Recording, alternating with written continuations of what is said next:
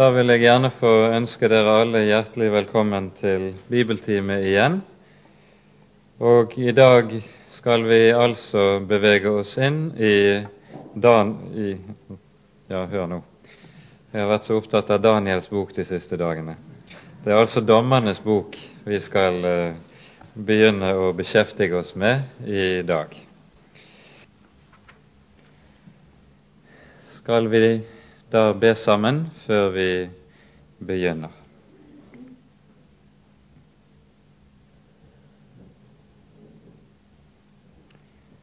Kjære Herre, du vår Gud, du vår Far.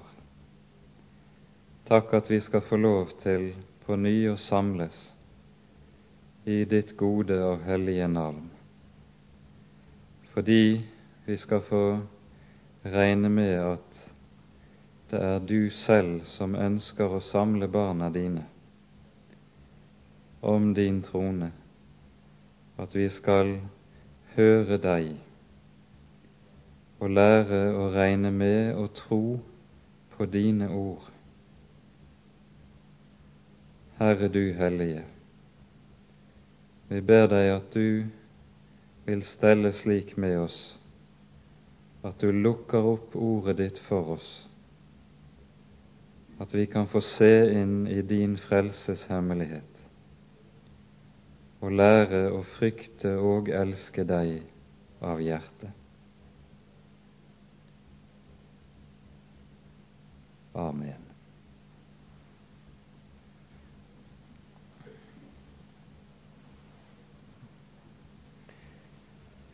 På den siste ordinære bibeltimen vi hadde før bibelhelgen stanset vi altså opp for de siste kapitlene i Josvas bok, der vi finner det vi gjerne kaller for Josvas åndelige testamente. Det han etterlater Guds folk som, og som skal liksom være deres arv deres arvegods som de, skal, som de får, og som de skal bære videre til den slekten som så kommer. Og så kommer vi umiddelbart inn i Dommernes bok. Og det som nokså raskt viser seg å være tilfellet, er at Guds folk ikke ser ut til verken å makte, og heller ikke er det makt påliggende for dem å gi videre det de har fått. Slik at de neste generasjonene de kjennetegnes først og fremst av frafall og forfall. Og Dette gjør at Dommernes bok gir oss et av de aller mørkeste kapitlene i Guds rikes historie. Den tid vi nå befinner oss i, er fra ca. 1360 før Kristi fødsel frem til ca. 1040-50, altså en periode på noe over 300 år. Det var ca. år 1400 Israel begynte å innta det lovede land etter at ørkenvandringen var ferdig. Dette har en del av dere hørt litt om i disse dagene da vi har hatt besøk av dr. David Livingston. Og så går erobringen av landet frem, og så kommer den tiden da Josva altså skal dø. Og vi befinner oss da ca. år 1360 før Kristi fødsel. Men alle årstall er kun anslagsvis. Dommernes bok er det ingen som vet hvem som har skrevet. Eh, I jødisk tradisjon er det slik at man regner profeten Samuel for forfatter av boken. Og dette er eh, også en meget sannsynlig og rimelig antagelse, fordi man bl.a. når man hører, vi hører omtale av byen Jerusalem i boken, så omtales den slik at jebusittene bor enda i denne by. Altså, boken må altså være nedskrevet før David kom til makten og inntok Jerusalem. Og Da er det bare én profet det kan være tale om i Guds rikes historie på dette tidspunkt, og det er profeten Samuel. Det betyr at vi kan regne med at boken var skrevet ned ca. år mellom år 1050 og år 1000 før Kristi fødsel. Og når Samuel, hvis det er han som har skrevet det ned, skriver ned dette, så skjønner vi hva som er hensikten og begrunnelsen for det. Vi ser at Samuel har to store taler til Israel i første Samuels bok. Vi finner det eh, korte eh, sammendrag av disse talene i kapittel 7 og 8 og i kapittel 12 i første Samuels bok. Og Her sammenfatter Samuel eh, bl.a. dommertidens begivenheter og drar ut de åndelige lærdommer som Guds folk skulle minnes om, for at det ikke skulle gå med dem slik det var gått med fedrene i dommertiden. Nå har vi ikke tid til å lese gjennom disse avsnittene nå, men jeg bare peker på det, slik at de som har anledning til det, kan lese selv hjemme. Dommerboken kan inndeles i tre hoveddeler. Først har vi bokens innledning fra kapittel 1.1 til og med kapittel 3.6. Her finner vi en allmenn innledning der, som behandler overgangen i tiden fra Josfas død og umiddelbart fremover, og i kapittel 2 særlig en sammenfatning av hele dommertiden og det som kjennetegner denne tiden. Så fra kapittel 3-7 av og ut til avslutningen av kapittel 16 har vi bokens hoveddel, der de ulike dommere i, og deres eh, bedrifter i denne perioden omtales, noen meget kortfattet og noen mer utførlig. I alt hvis man regner Debora som en av dommerne, så omtales 13 slike dommere i løpet av dommertiden.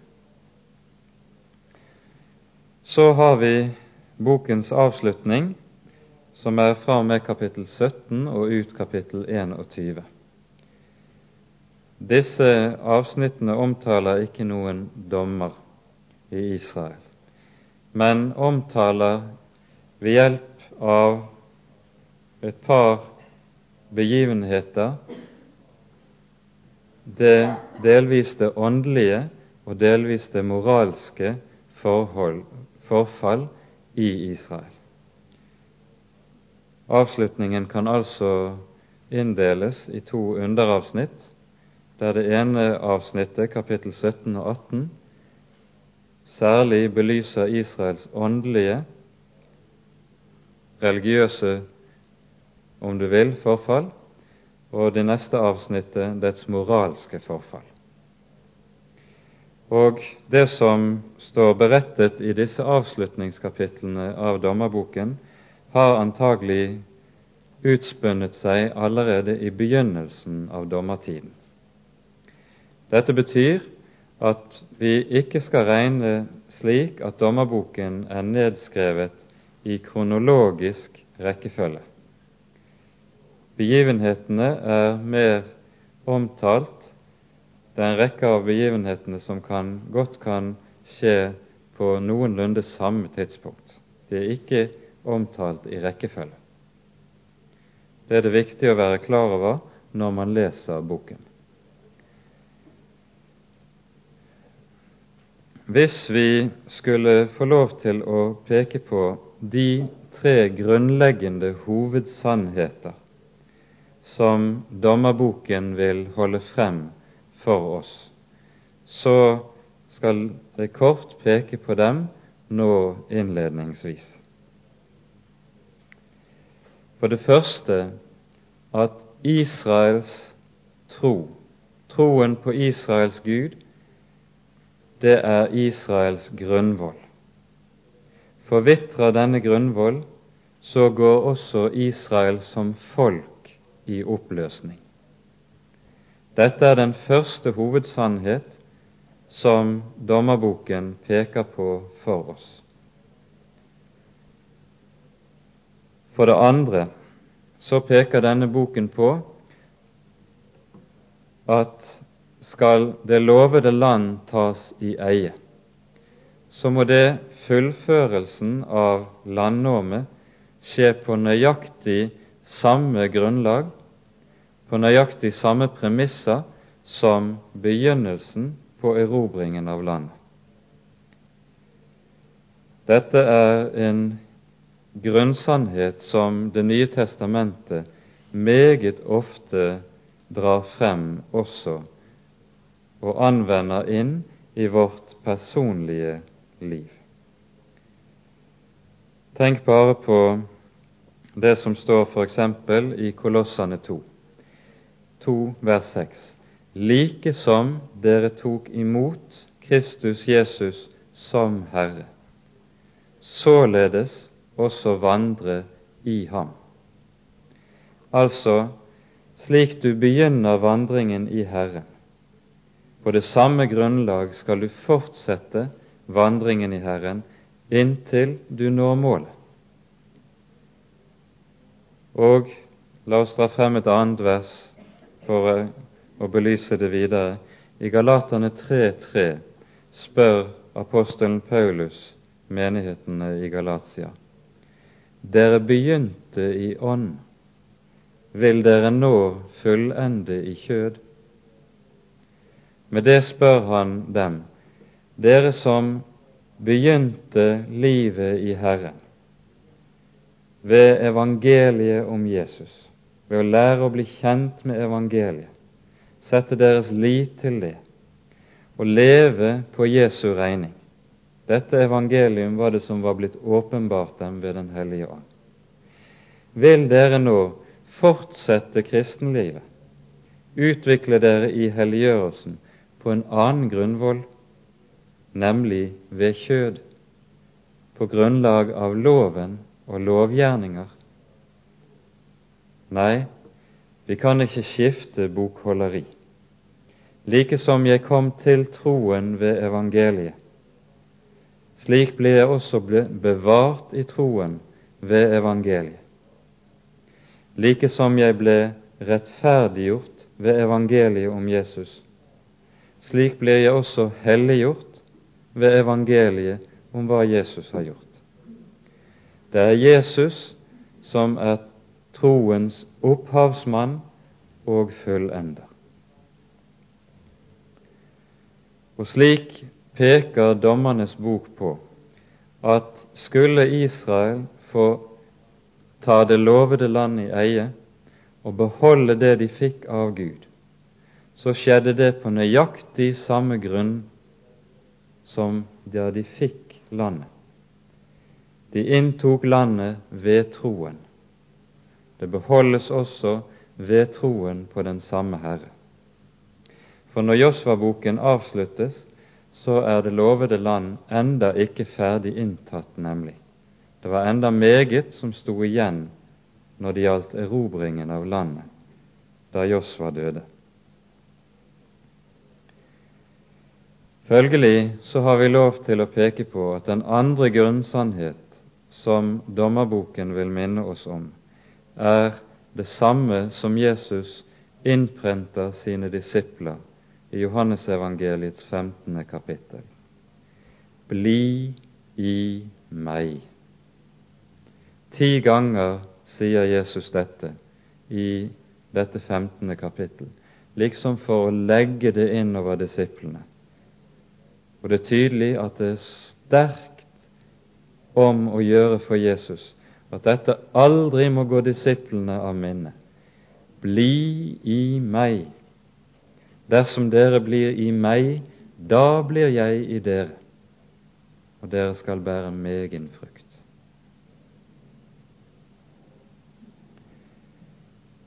For det tredje, når det dog skjer slik at folket faller fra Herren, de blir ikke i ham, de faller fra den levende og sanne tro på sin Herre og sin Gud.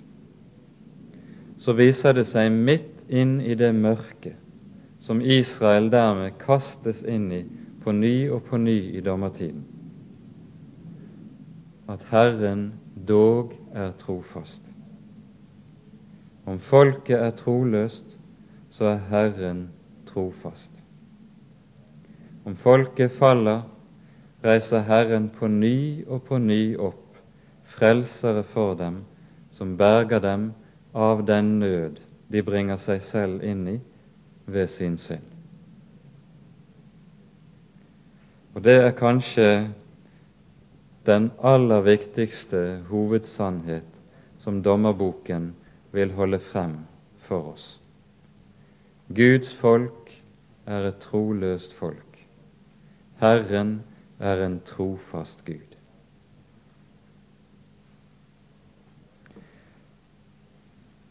Da tror jeg at vi skal gi oss inn i selve boken, og da kanskje lese noen avsnitt.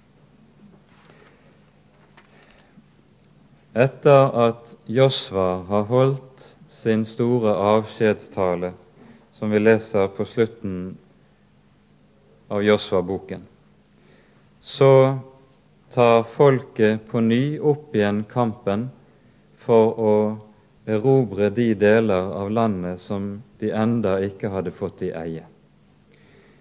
Og Det er beretningen om dette vi finner i første delen av kapittel 1. Og det er særlig Judas stamme og Simeons stamme som med iver går til verket. Men så ser vi at nokså snart slappes hendene. Man blir trett og legger ned våpnene igjen. Og så kan vi lese et par vers fra vers 28 i det første kapittelet. Men da Israel ble sterkt, gjorde de kananittene arbeidspliktige, men de drev dem ikke bort. Og Efraim drev ikke bort de kananitter som bodde i Geser, men kananittene ble boende midt iblant dem i Geser. Geser var en stor by i det nordlige Israel, i det som i dag er Galilea. Sebulon drev ikke bort innbyggerne i Kitron og innbyggerne i Nahalol, men kananittene ble boende midt iblant dem og ble arbeidspliktige. Og slik regnes det opp hvorledes Israel lot kananittene bli boende igjen i landet og slo seg til ro sammen med dem. Og vi skjønner hva som ligger bak. Det er nettopp det som står i vers 28. Da Israel ble sterkt. Det ser ut til at dette alltid er en stor fare for Guds folk. For det er jo noe som ligger nedlagt i oss, det, at når vi kjenner oss sterke, da kjenner vi oss også trygge og sikre. Og så ligger det snublende nær for oss fred og ingen fare. Og det er nettopp det som skjer med Israel nå. De er kommet til velmakt, de er blitt sterke, og kananittene har stort sett ikke så mye å si lenger rent militært overfor dem. Og så kjenner de seg så trygge at de ikke bare legger ned våpnene, men slutter fred med kananittene der i landet. Det som dermed er tydelig, er at det har gått Israel ut av minnet at den strid de står oppe i og skal fullføre i det de skal innta det lovede land, det er ikke først og fremst en militær erobring. Det er ikke det det handler om. Men det er en åndskamp det handler om, en åndskamp mellom to forskjellige riker, Guds rike og denne verdens rike, representert ved de ulike folkeslag. Og i denne kamp kan man aldri legge ned våpnene. I denne kamp kan man aldri slutte fred eller inngå våpenhvile. Men Israel kjenner seg altså sterke og trygge. Og så ser vi hvordan det går. Og Da kommer vi til kapittel to, der vi leser en ganske spesiell begivenhet som savner sidestykke i Bibelen. Herrens engel kom fra Gilgal opp til Bokim, og han sa:" Jeg hentet dere opp fra Egypten og førte dere til det land jeg tilsvor deres fedre, og sa:" Aldri i evighet vil jeg bryte min pakt med dere. Men dere skal gjøre men dere skal ikke gjøre pakt med dette lands innbyggere. Deres altere skal dere rive ned. Men dere hørte ikke på mine ord, hva har dere gjort? Jeg sa også, jeg vil ikke drive dem ut for dere, men de skal bli til brodder i deres sider, og deres guder skal bli til en snare for dere. Og da Herrens engel talte disse, disse ord til alle Israels barn, gråt folket høyt Derfor kalte de dette sted Bokim, og de ofret der til Herren. Herrens engel er en, et uttrykk vi skal legge merke til. For dette er Det gamle testamentets navn på Messias før han trer inn i verden og blir kledd i kjød. Han er den levende Guds sønn, den ene av personene i Gud. For det er noe vi ser overalt der Herrens engel omtales i Det gamle testamentet. Han omtales alltid, og det skal vi legge merke til, alltid som Gud. Han er altså Gud. Han bærer Guds navn, men er dog forskjellig fra Han som ellers kalles Herren. Herrens engel kalles Herren og taler til Israel med guddommelig makt og myndighet og sier:" Jeg sier dere. Denne engel var det som åpenbarte seg for Moses i tårnebusken. Denne engel var det som gikk foran folket i en skystøtte om dagen og en ildstøtte om natten. Det leser vi om i Andre Moseboks 23. kapittel. Herrens engel er altså Guds sønn før han ble født i kjød her på jord. og overalt hvor vi møter ham i Bibelen, er han den evige mellommann mellom Gud og mennesker. Det er derfor han kalles Herrens engel. Og Vi kan godt også legge merke til dette uttrykk som stadig brukes i Johannes evangelium. Han, der sier Jesus om seg selv dette har jeg talt til dem, for at de skal vite at du har utsendt meg. Og dette ordet 'å være utsendt', det er nettopp i grunnteksten ordet for å være en engel. Jesus bruker altså dette uttrykket som et ordspill på nettopp det vi her hører tale om i Det gamle testamentet. Og legg merke til, når du leser Johannes evangelium, hvor ofte Jesus taler slik. Det er ikke tilfeldig. Nettopp ved det henviser han til seg selv og sin egen særstilling i åpenbaringen. Det er altså Guds sønn før han kommer i kjød, som her trer inn og åpenbarer seg for folket. Og så står det han kom fra Gilgal og dro opp til Bokim. Og dette er heller ikke tilfeldig. For leser vi Josvas bok, så var Gilgal det sted Israel først slo leir umiddelbart etter at de hadde gått over Jordan, og før de skulle innta Jeriko. Her leser vi i Josvas bok at de feiret den første påske etter utgangen fra Egypt. Her leser vi også at folket ble omskåret, og slik, gjennom dette ytre tegn, ble pakten fornyet med folket.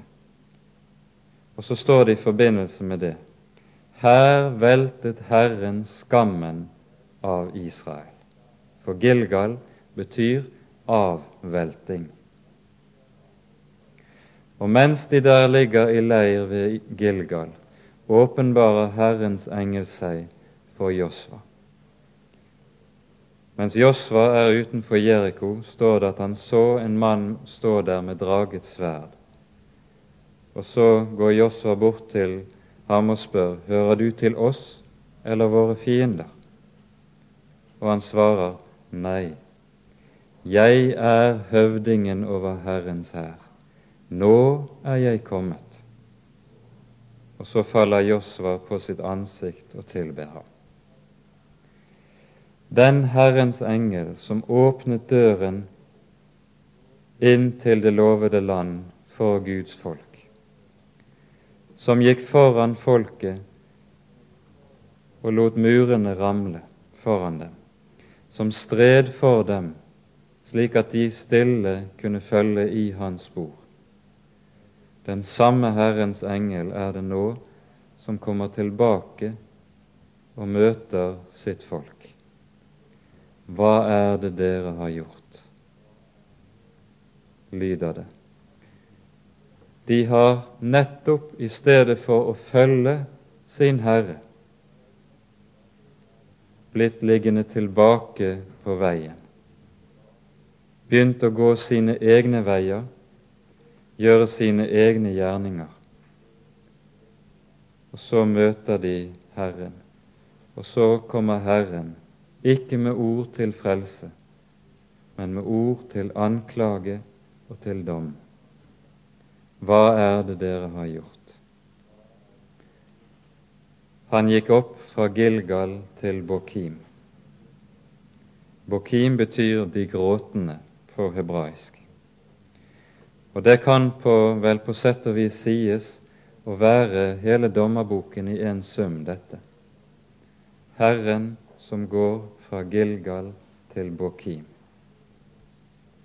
Fra det at skammen var veltet av, til at folket går inn i ny skam, og så må møte Herren til dom i stedet. Der gråt folket. De sørget over Josefs skade. Men underlig nok Det ser ikke ut til at dette har gjort et dypere og mer varig inntrykk på folket. For så leser vi videre. Da Josva hadde latt folket fare, og Israels barn hadde dratt hver til sin arv for å ta landet i eie, tjente folket Herren så lenge Josva levet, og så lenge alle de eldste levde som overlevde Josva, og hadde sett alle de store gjerninger Herren hadde gjort for Israel. Men da Josva, Nuns sønn, Herrens tjener, var død, 110 år gammel, og de hadde begravet ham på hans arvelodds grunn i Timnat Heres i Efraimfjellene nordenfor Gaasfjellet. Og da hele denne slekt var samlet til sine fedre, og det etter dem vokste opp en annen slekt, som ikke kjente Herren, og heller ikke de gjerninger han hadde gjort for Israel, da gjorde Israels barn det som var ondt i Herrens øyne, og dyrket balene. De forlot Herren sine fedres Gud, som hadde ført dem ut av Egyptens land, og de fulgte andre guder av de folks guder som bodde rundt omkring dem, og de tilba dem og vakte Herrens harme.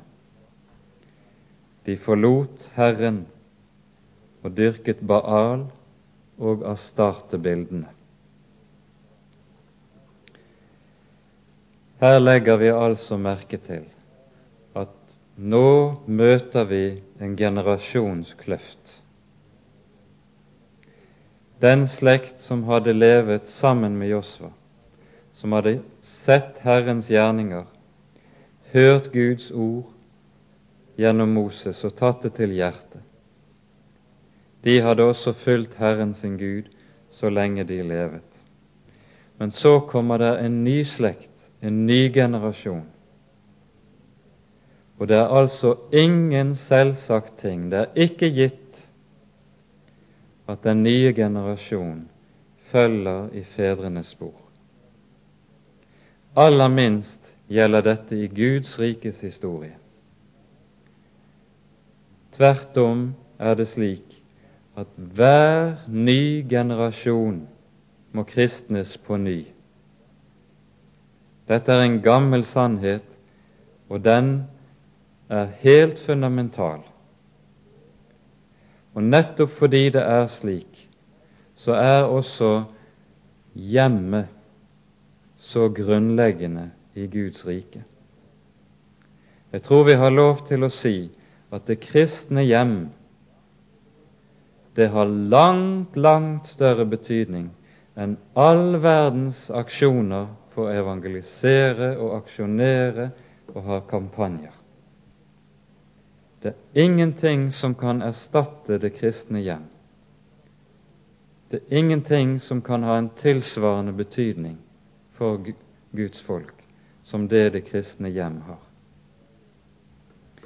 For det er i hjemmet barna skal møte Guds ord. Dette hører vi allerede i Femte Moseboks sjette kapittel. Og Dette tror jeg vi har lov til å si er ord som gjelder oss i dag, like så meget som det gjaldt dem den gang. Her hører vi først det store bud fra vers fire og fem. Hør, Israel, Herren vår Gud, Herren er én. Og du skal elske Herren din Gud av alt ditt hjerte, og av all din sjel og av all din makt. Disse ordene er jo Israels trosbekjennelse. Og så sies det:" Disse ord som jeg byr deg i dag, skal du gjemme i ditt hjerte.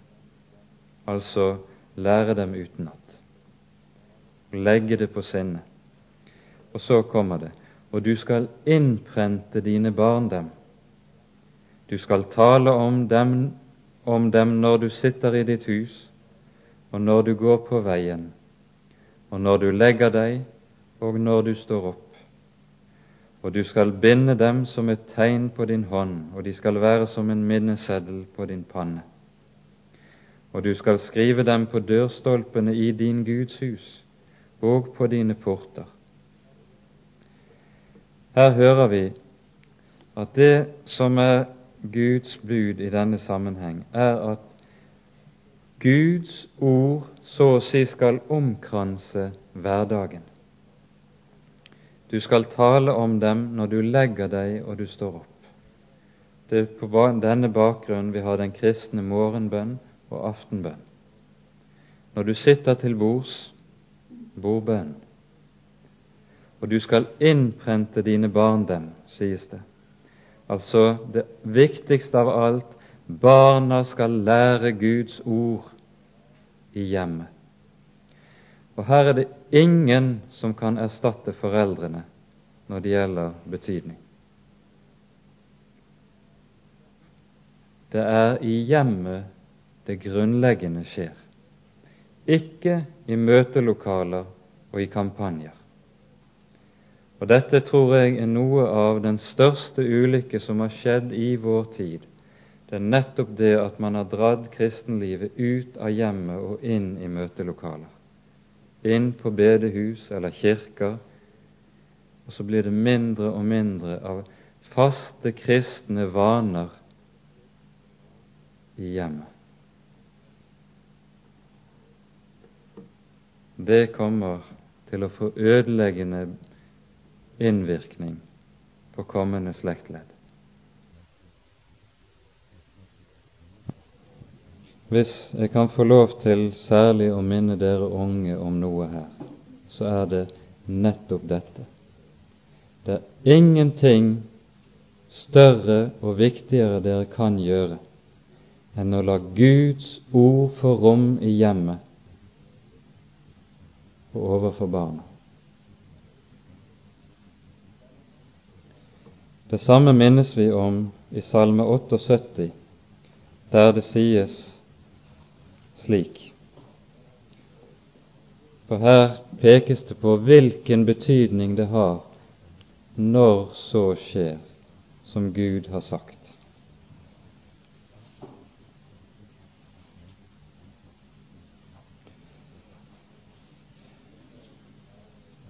Dette er en læresalme, står det i overskriften, og det er det sannelig i ordets egentlige forstand.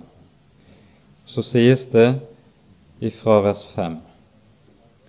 Han, altså Herren, har reist et vitnesbyrd i Jakob og satt en lov i Israel, som han bød våre fedre å kunngjøre sine barn, for at den kommende slekt, de barn som skulle fødes, kunne kjenne dem, kunne stå frem og fortelle dem for sine barn, og sette sitt håp til Gud, og ikke glemme Guds gjerninger, men holde Hans bud, og ikke være som deres fedre, en oppsetsig og gjenstridig slekt, en slekt som ikke gjorde sitt hjerte fast, og hvis ånd ikke var trofast mot Gud.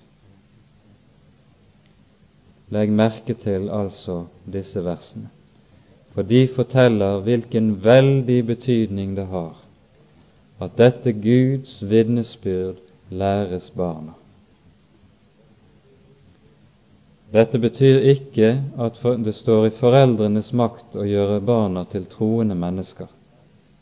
Det er det Herren alene som kan gjøre. Men det som står i foreldrenes makt å gjøre, er å gi dem Guds ord. Og får de ikke Guds ord, så skades de for livet.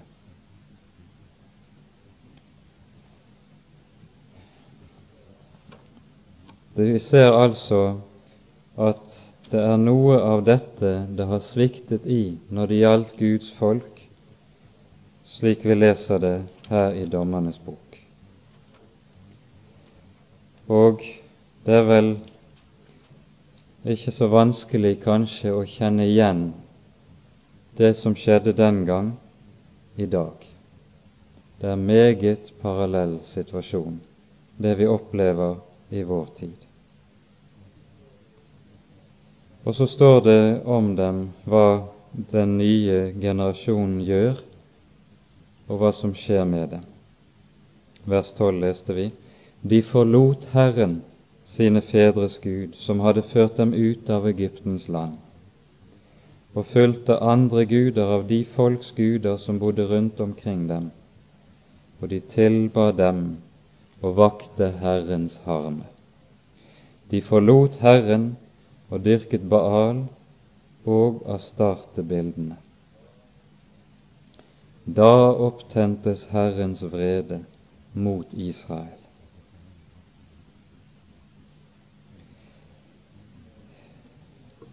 Vi skal også lese et par vers litt lenger ute.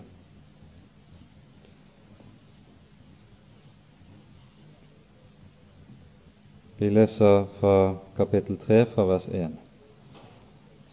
Dette er de folk Herren lot bli, for ved dem å prøve Israel, alle de israelitter som ikke selv hadde vært med i noen av Kanans kriger, bare for at de kommende slekter i Israel skulle få kjennskap til krig og bli opplært deri, alle de som ikke hadde vært med. Så regnes de opp, og så står det i vers 4. Ved dem var det Israel skulle prøves, så det kunne kjennes om de ville lyde Herrens bud, som Han hadde gitt deres fedre ved Moses. Men da Israels barn nå bodde midt iblant kananittene, hetittene, amorittene ferisittene hevittene og jebusittene, tok de deres døtre til hustruer og ga sine døtre til deres sønner og dyrket deres guder.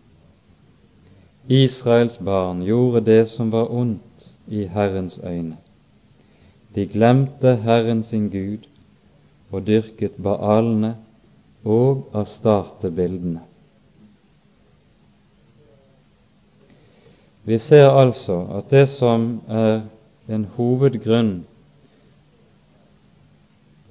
til fallet, og som foranlediger frafallet, er nettopp dette at Israel slutter fred med kananittene. Og som følge av fredsslutningen så følger det ganske naturlig etter hvert også inngifte mellom Israel og kananitter. Og dette får så ødeleggende konsekvenser inn i folkelivet.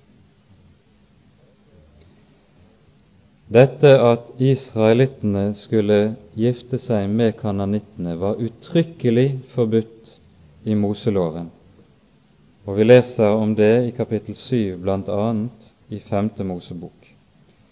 Der står det slik ifra vers 2.: Når Herren din Gud gir dem i din vold, så du vinner over dem, da skal du slå dem med bann du skal ikke gjøre pakt med dem og ikke vise dem nåde. Du skal ikke inngå svogerskap med dem. Du skal ikke gi dine døtre til hans sønner, og ikke ta hans døtre til hustruer for dine sønner, for de vil få dine sønner til å vike av fra meg, så de dyrker andre guder og da vil Herrens vrede opptennes mot dere, og han vil hastig gjøre ende på deg.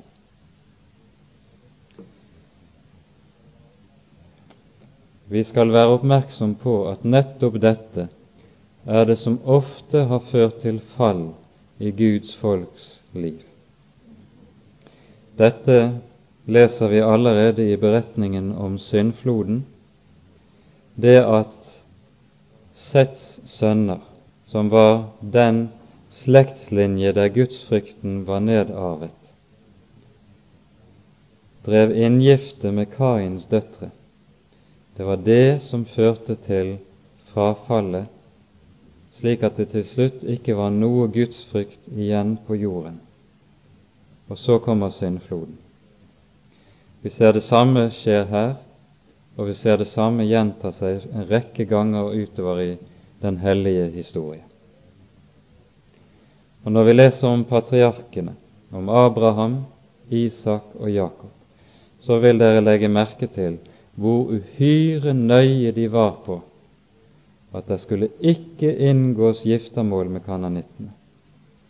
Abraham sender sin tjener av gårde for å hente en hustru til Isak. Isak skulle ikke gifte seg med noen kananittisk kvinne. Det samme gjelder Jakob. Og når Jakobs sønner begynner å gifte seg med kananittiske kvinner, så hører vi om all den elendighet som følger i kjølvannet på det. Det var mye nød av det, men det behøver vi ikke komme inn på nå.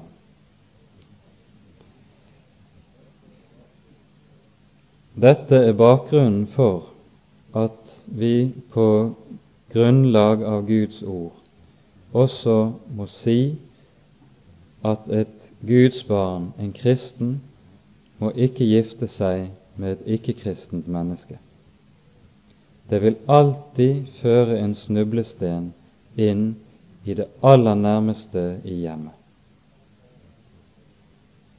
Og selv om jeg ikke er så svært gammel, så har jeg sett altfor mange tilfeller av hvorledes en kristen ektefelle av hensyn til sin ikke-kristne ektefelle kommer på fall. Man skal ta hensyn for husefredens skyld, og så fører det til at man tar mer hensyn til mennesker enn til hva Herren har sagt. Og så gradvis skjer det noe med ens eget liv med Gud. Det er på denne bakgrunn at Jesus også gir den, det alvorlige påbud, eller minnelsen han gjør i Matteusevangeliets tiende kapittel, der han sier den som elsker far eller mor, søsken eller bror, hustru eller barn mer enn meg, er meg ikke verd. Altså den som tar mer hensyn til sin nærmeste families oppfatning om det ene eller det annet, enn til hva Herren har sagt,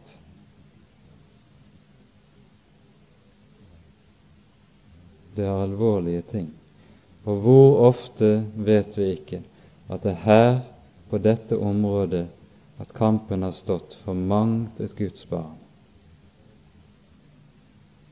For det er ingenting som kan gjøre mer vondt dypt, dypt inn i hjertet enn nettopp kamp som går på dette området i forhold til de som står meg aller nærmest, og som jeg setter aller høyest. Det er nettopp det som gjør denne kampen så vanskelig som den er. Så når dette bud i Bibelen står der, at et Guds barn skal ikke gifte seg med en som ikke er et Guds barn, så er det for at vi, for at vi skal spares det er Guds barmhjertighet som taler i dette bud.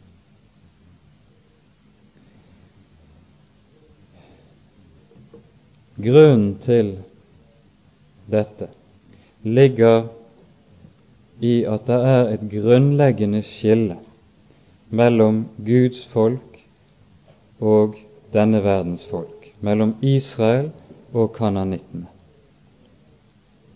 Og dette grunnleggende skillet drar vår bibel gjennom hele den hellige historien.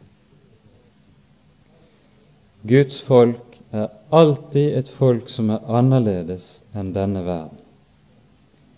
Og det som gjør Guds folk annerledes, hva er det? Det er at vi nettopp har en Gud som er annerledes enn denne verdens guder. Og Nå husker jeg ikke jeg om jeg tidligere har lest fra 2. Samuels bok 7. kapittel men om jeg har gjort det, så vil jeg gjerne få lov til å peke på dette avsnittet igjen. 2. Samuel 7, vers 22 og 23.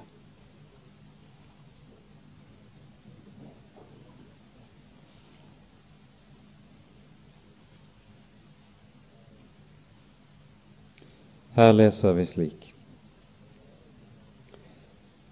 Det er Davids takkebønn etter at Herren har gitt ham et løfte som er såre stort, nemlig løftet om at i hans slekt skal Messias fødes.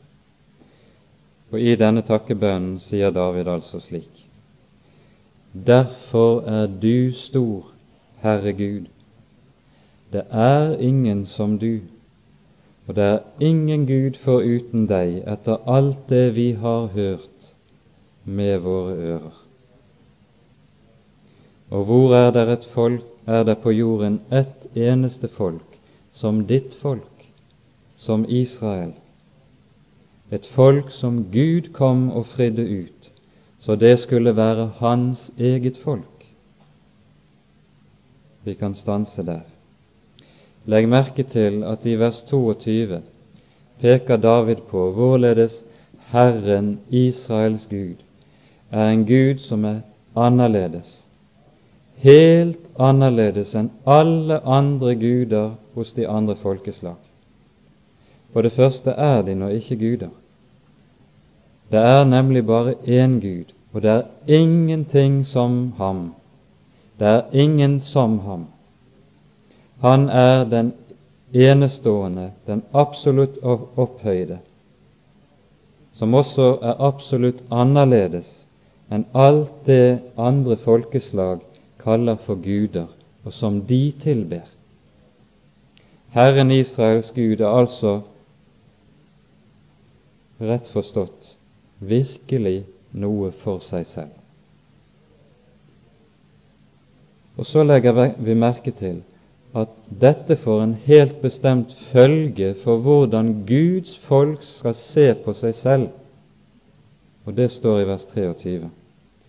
Hvor er der på jorden ett eneste folk som ditt folk, som Israel, et folk som Gud kom og fridde ut, så det skulle være hans eget folk?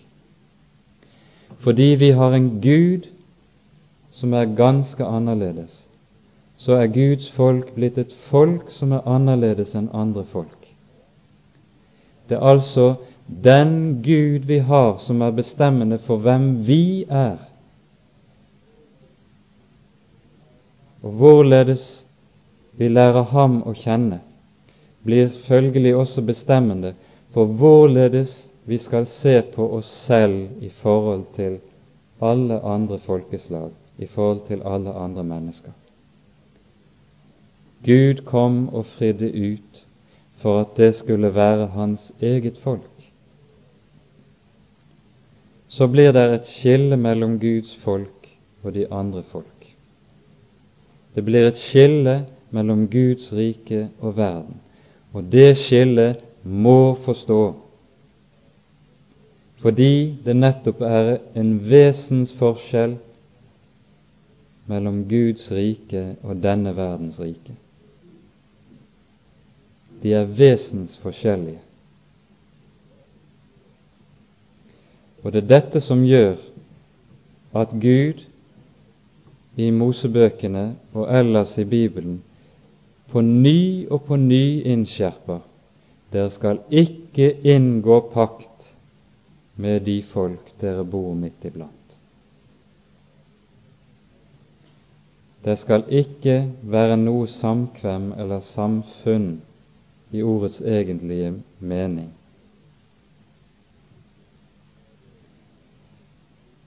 Og det var det Israel ikke fulgte opp, fordi de mistet av syne hvem Herren, var.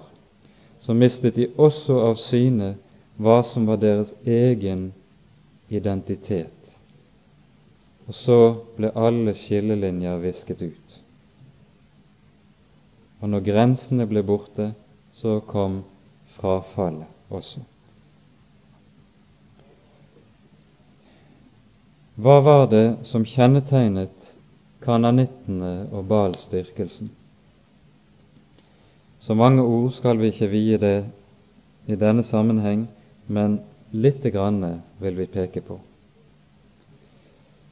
Kananittisk gudsdyrkelse var kjennetegnet av at den hadde to hovedguddommer, Baal og Astarte. Baal var den mannlige gud, Astarte den kvinnelige.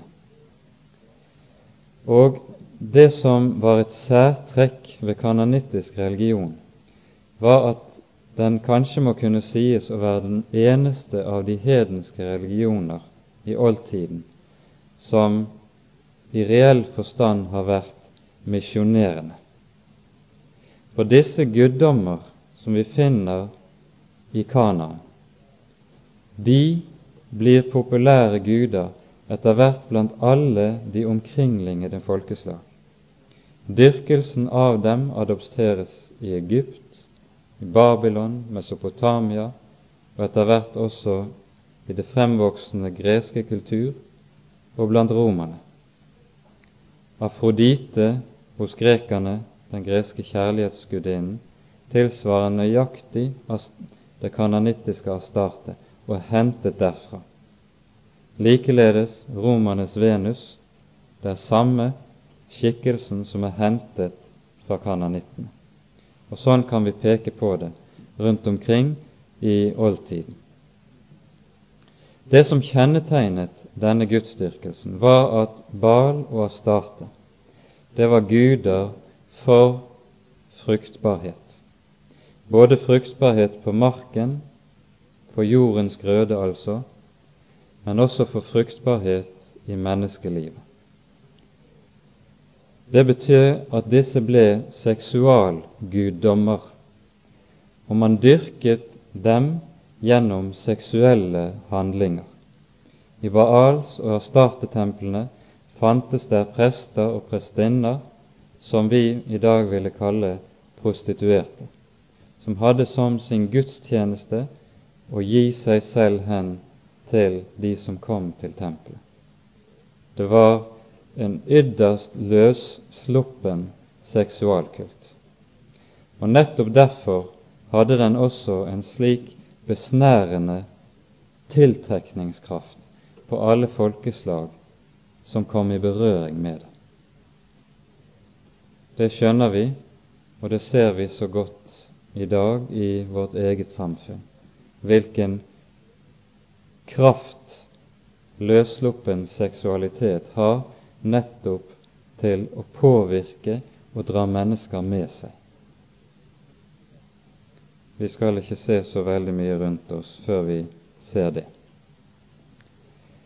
Vel, slik hadde denne gudsdyrkelse også en veldig smitteeffekt på Israel, og de ble dratt inn i det. Kanskje jeg også skulle nevne et trekk til som inngikk i gudsdyrkelsen, som jeg holdt på å glemme, og det var at menneskeofring, dvs. Si ofring av barn, hørte med i gudsdyrkelsen. Han ofret barn levende til Guden i templene.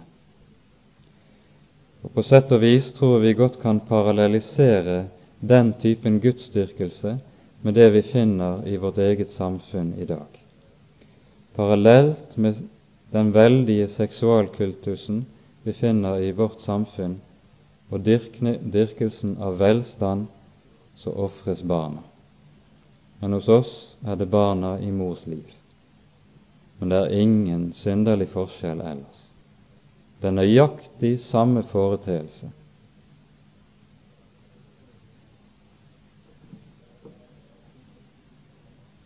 Dette er det altså Israel smittes av og dras inn i.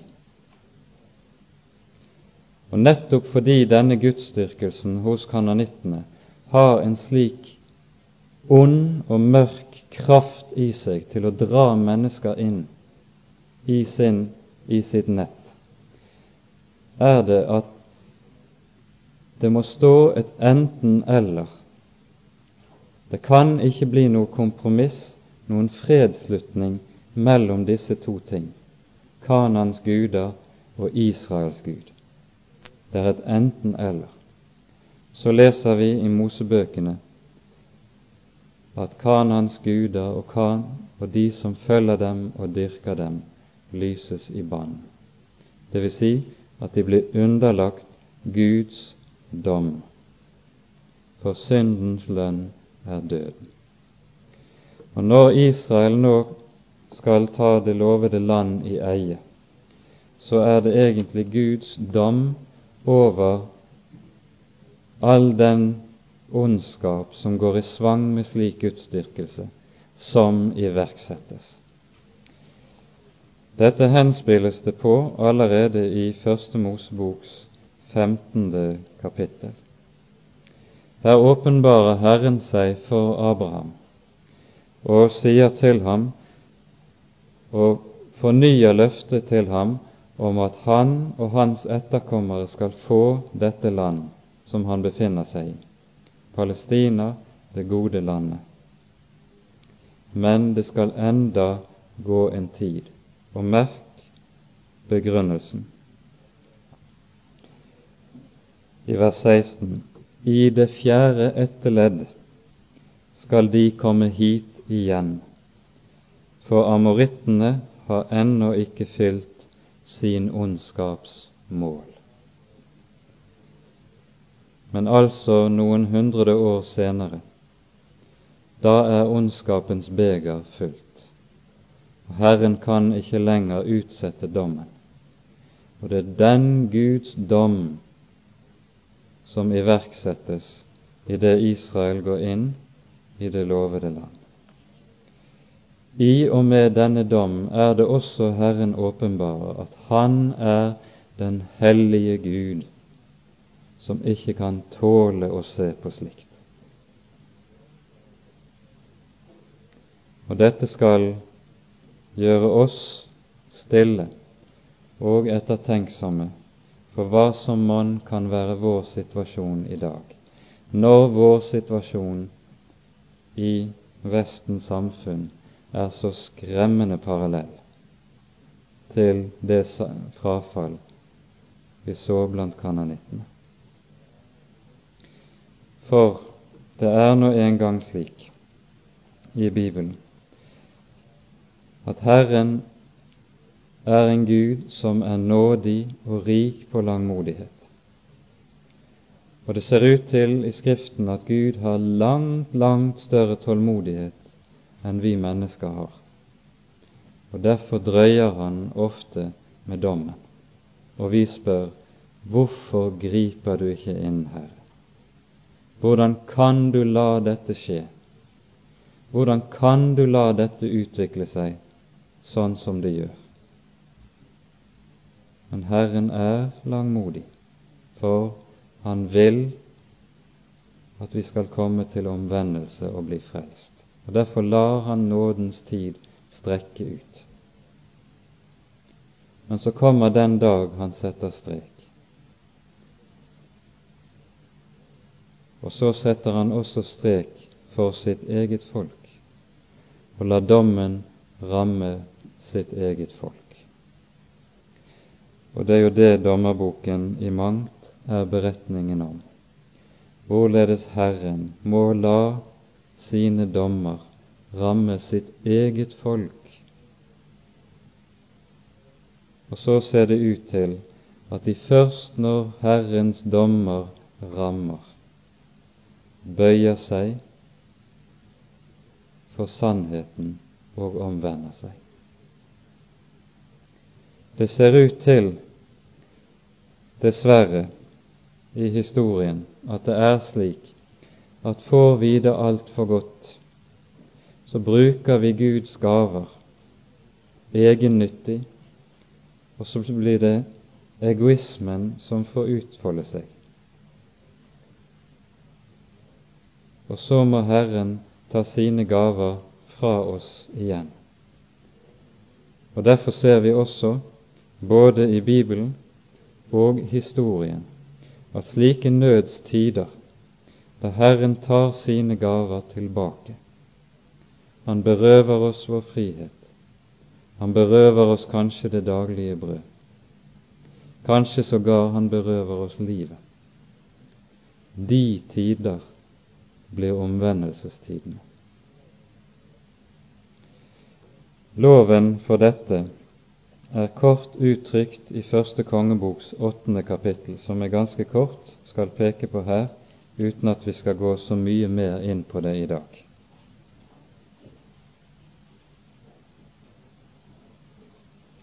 Første kongebok, åttende kapittel.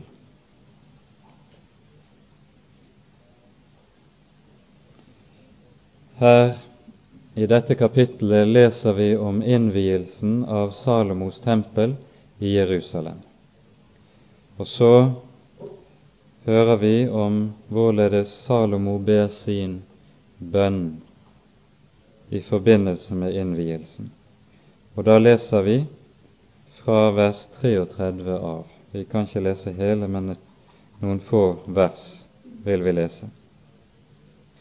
Når ditt folk Israel blir slått av fienden fordi de synder mot deg, men de så vender om til deg og bekjenner ditt navn og ber til deg, og bønnfaller deg om nåde i dette hus, så vil du høre det i himmelen og forlate ditt folk Israels synd og føre dem tilbake til det land du har gitt deres fedre når himmelen lukkes, så det ikke kommer regn fordi de synder mot deg, og de så ber vendt mot dette sted og bekjenner ditt navn og vender om fra sin synd, fordi du ydmyker dem, så vil du høre i himmelen.